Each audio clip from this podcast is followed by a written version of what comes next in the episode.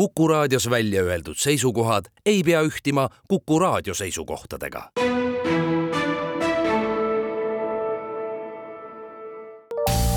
terviseks. saade valmib koostöös Ida-Tallinna Keskhaiglaga. vaata ka itk.ee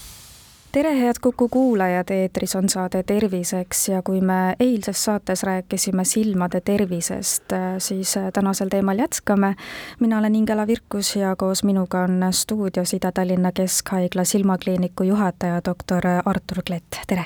tere päevast! Me räägime seda kõike selles valguses siis, et äh, just detsembris nüüd äh, möödus äh, Ida-Tallinna Keskhaigla silmaonkoloogia ravi pakkumisest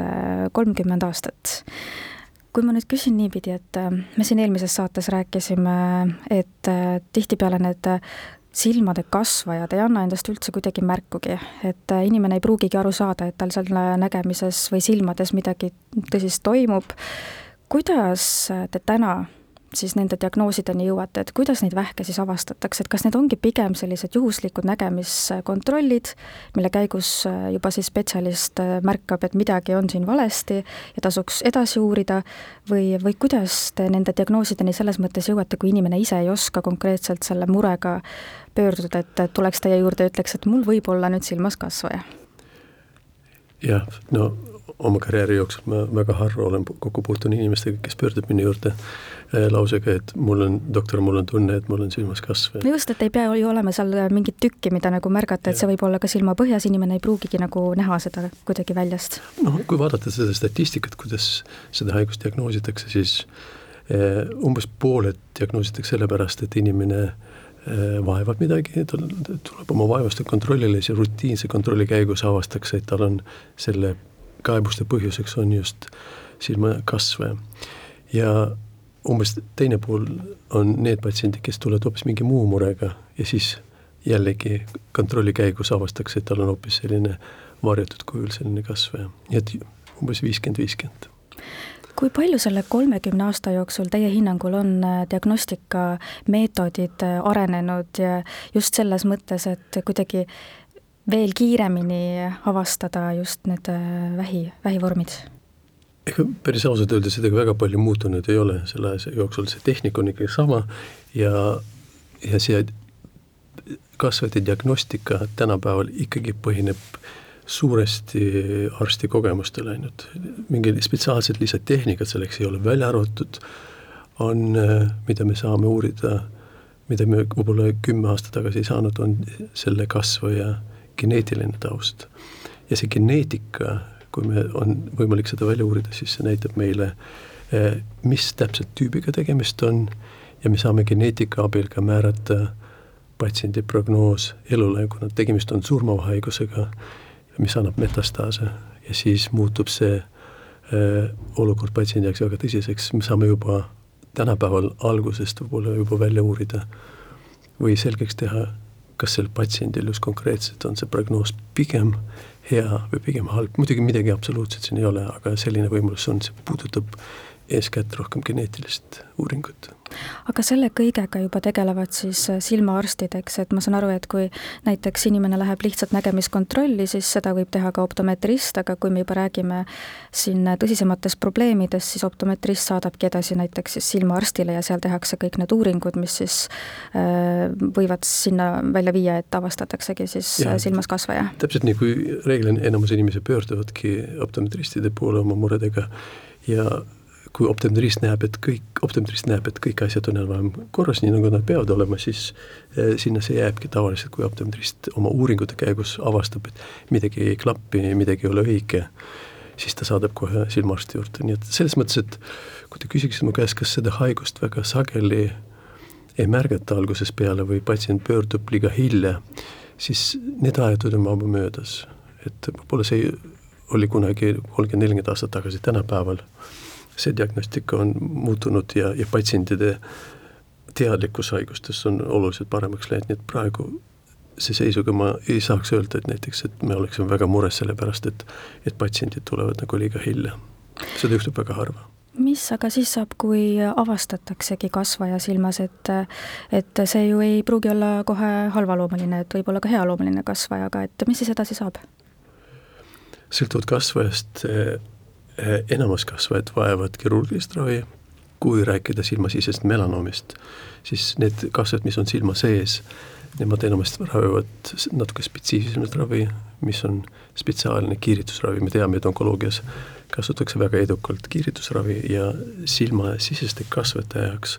on umbes viiskümmend aastat tagasi või kuuskümmend aastat tagasi välja töötatud spetsiaalne tehnoloogia, mis võimaldab kiiritada spetsiaalse kiirus, mis kasutatakse ainult just silmakasvajate jaoks ja see kiiritus mõju kasvajal on selline, et kasvaja pikkamööda siis või hoitakse vähemalt kontrolli all, et ta edasi läheks. päris terveks need inimesed kunagi ei saa, et kui ühel hetkel see diagnoos on neil äh, välja pandud, siis nad jäävad kontrolli oma arsti juures kuni elu lõpuni. siis haigus, isegi kui kümme aastat on möödas ja kõik on hästi, kõik on nagu arsti hinnangul suurepärane, siis see ei pruugi juhtuda ka viieteist aasta pärast või kahekümne aasta pärast. Milline on aga selle patsiendi elukvaliteet, et üks asi on tõesti see ravi, aga, aga kuidas ta ennast tunneb vähiga? ja kui rääkida jälle silmasisestest äh, või melanoomist, siis see mitte kuidagi ei mõjuta inimese elukvaliteeti, inimene ei tunne mitte midagi, ta elab täisväärtuslikku elu, välja arvatud siis juhul, kui nägemine saab kahjustada nii kasvajast tingituna või siis selle ravi tulemusena, aga jumal on inimesel kaks silma andnud ja ühe silmaga saab inimene oma elus väga hästi hakkama, kuni vanaduseni välja. kuidas te hindaksite ähm, üldiselt, äh, kui ma küsisin enne diagnostika arengu kohta, siis milline on olnud ravi areng siin äh, kolmekümne aasta jooksul just onkoloogilise äh, silmaravi poole pealt siis? Mhm. no kui alustada sellest, et veel viiskümmend aastat tagasi muud võimalust ei olnud, kui patsiendil oli selline diagnoos, siis muud varianti ei olnud ka kui silmast loobumine, mis oli enamus patsiendi jaoks väga suureks traagiliseks sündmuseks. Äh, sellest ajast, kui nüüd see kiiritusravi välja töötatud, me saame enamus inimestele, isegi kui see silm jääb pimedaks peale ravi, aga ikkagi oma silm, see on väga suur asi. ja lisaks sellele on äh, umbes kakskümmend aastat tagasi välja töötatud uus tehnoloogia, on avastatud, et kasvajad on väga tundlikud temperatuuri suhtes spetsiaalse laseriga saab laserkiir suunata sinna kasvaja sisse ja soojendada seda kasvajat umbes kuni pluss kuuskümmend, seitsekümmend kraadi ja see hävitab melanomerakke. see on nagu suurem progress ja need saab ka mingil määral see uus kirurgiline tehnoloogia võimaldab osa need kasvajaid ka opereerida kas seda kõike saab kuidagi ka ennetada, et äh, kasvajate puhul ikka öeldakse, et et äh, parim ravi on siis, kui see võimalikult varakult avastada, aga kas seda kuidagi ennetada ka saab? päris äh, haigust ennetada ei ole võimalik, kuna ta on geneetiliselt juba determineeritud, varem või hiljem ta ikkagi lööb inimesel välja. mõnel inimesel on, see võib kolmekümneaastasel olla, mõnel inimesel kaheksakümneaastaselt see, selles mõttes on see õige küsimus, et nagu onkoloogias kehtivad, ka silmaonkoloogias kehtivad samad printsiibid, mida varem midagi on võimalik diagnoosida, seda reeglina on parem prognoos elule ja, ja parem prognoos ka ravile